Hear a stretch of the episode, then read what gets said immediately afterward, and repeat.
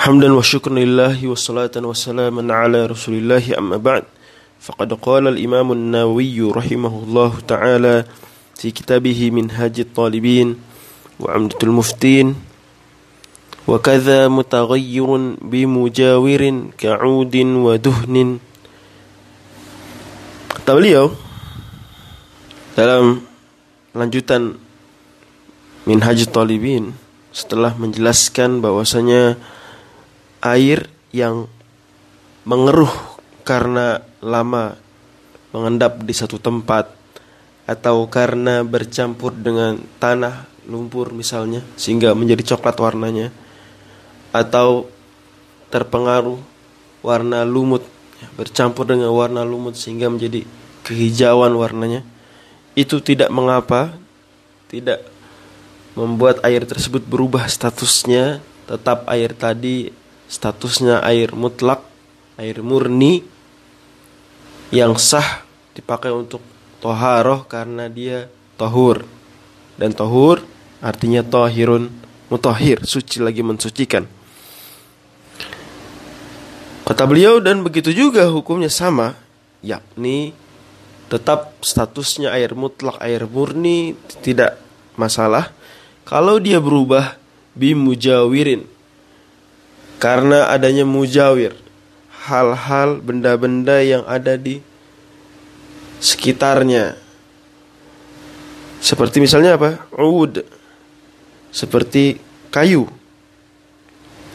atau duhn atau minyak.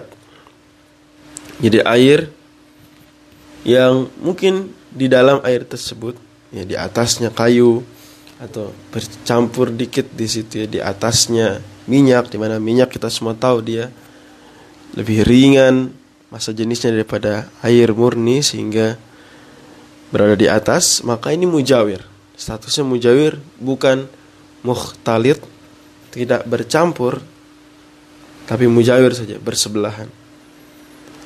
Kalaupun berubah air tersebut karena bersebelahan dengan benda-benda dan zat-zat ini, maka tidak masalah. Ta'lilnya adalah karena baik kayu maupun minyak keduanya suci. Dan ini hanya mujawir saja. Bersebelahan saja, bersinggungan saja. Tidak sampai bercampur dan merubah. Sehingga membuat air tersebut menjadi air minyak misalnya atau air-air lain seperti kasus di pertemuan sebelumnya sudah kita bahas terkait dengan air sabun, air teh dan semisalnya. Jadi seperti itu adanya. Au kata Imam Nawawi dalam lanjutannya, kita masih di halaman 67 untuk matan cetakan Darul Minhaj. Cetakan lain bisa menyesuaikan masih di awal kitab Thaharah au biturabin turiha fihi fil awhar. Begitu juga kalau dia berubah karena adanya tanah yang dilempar sengaja ke air tersebut, maka tidak masalah juga. Air tetap tetap air murni, air mutlak sah untuk taharah. Meskipun dilempar sengaja, meskipun ada air bersih kita kasih-kasih tanah gitu ya sampai keruh coklat warnanya tidak mengapa fil awhari dalam pendapat yang awhar. Nah, di kitab Minhajul Talibin ini ada istilah-istilah yang dijelaskan di pembahasan muqaddimah di audio yang terpisah di mana awhar ini artinya adalah adanya lebih dari satu pendapat atau fatwa Imam Syafi'i terkait masalah ini. Yang kemudian para ulama Syafi'iyah utamanya Imam Ar-Rafi'i dan Imam An-Nawawi mentarjih memilih mempertimbangkan yang paling kuat baik dari jumlah pendukungnya dari sisi ulama-ulama Syafi'iyah lebih banyak mana setujunya atau dari sisi kekuatan dalil dan dari pertimbangan-pertimbangan lainnya. Di sini Al-Zhar Berarti ada anggaplah dua pendapat Imam Asy-Syafi'i dan memang demikian adanya ada dua pendapat Imam Asy-Syafi'i di sini bahwasanya pendapat pertama hal tersebut membahayakan ini menjadi masalah Tapi ini kurang kuat. Yang lebih kuat adalah tidak masalah.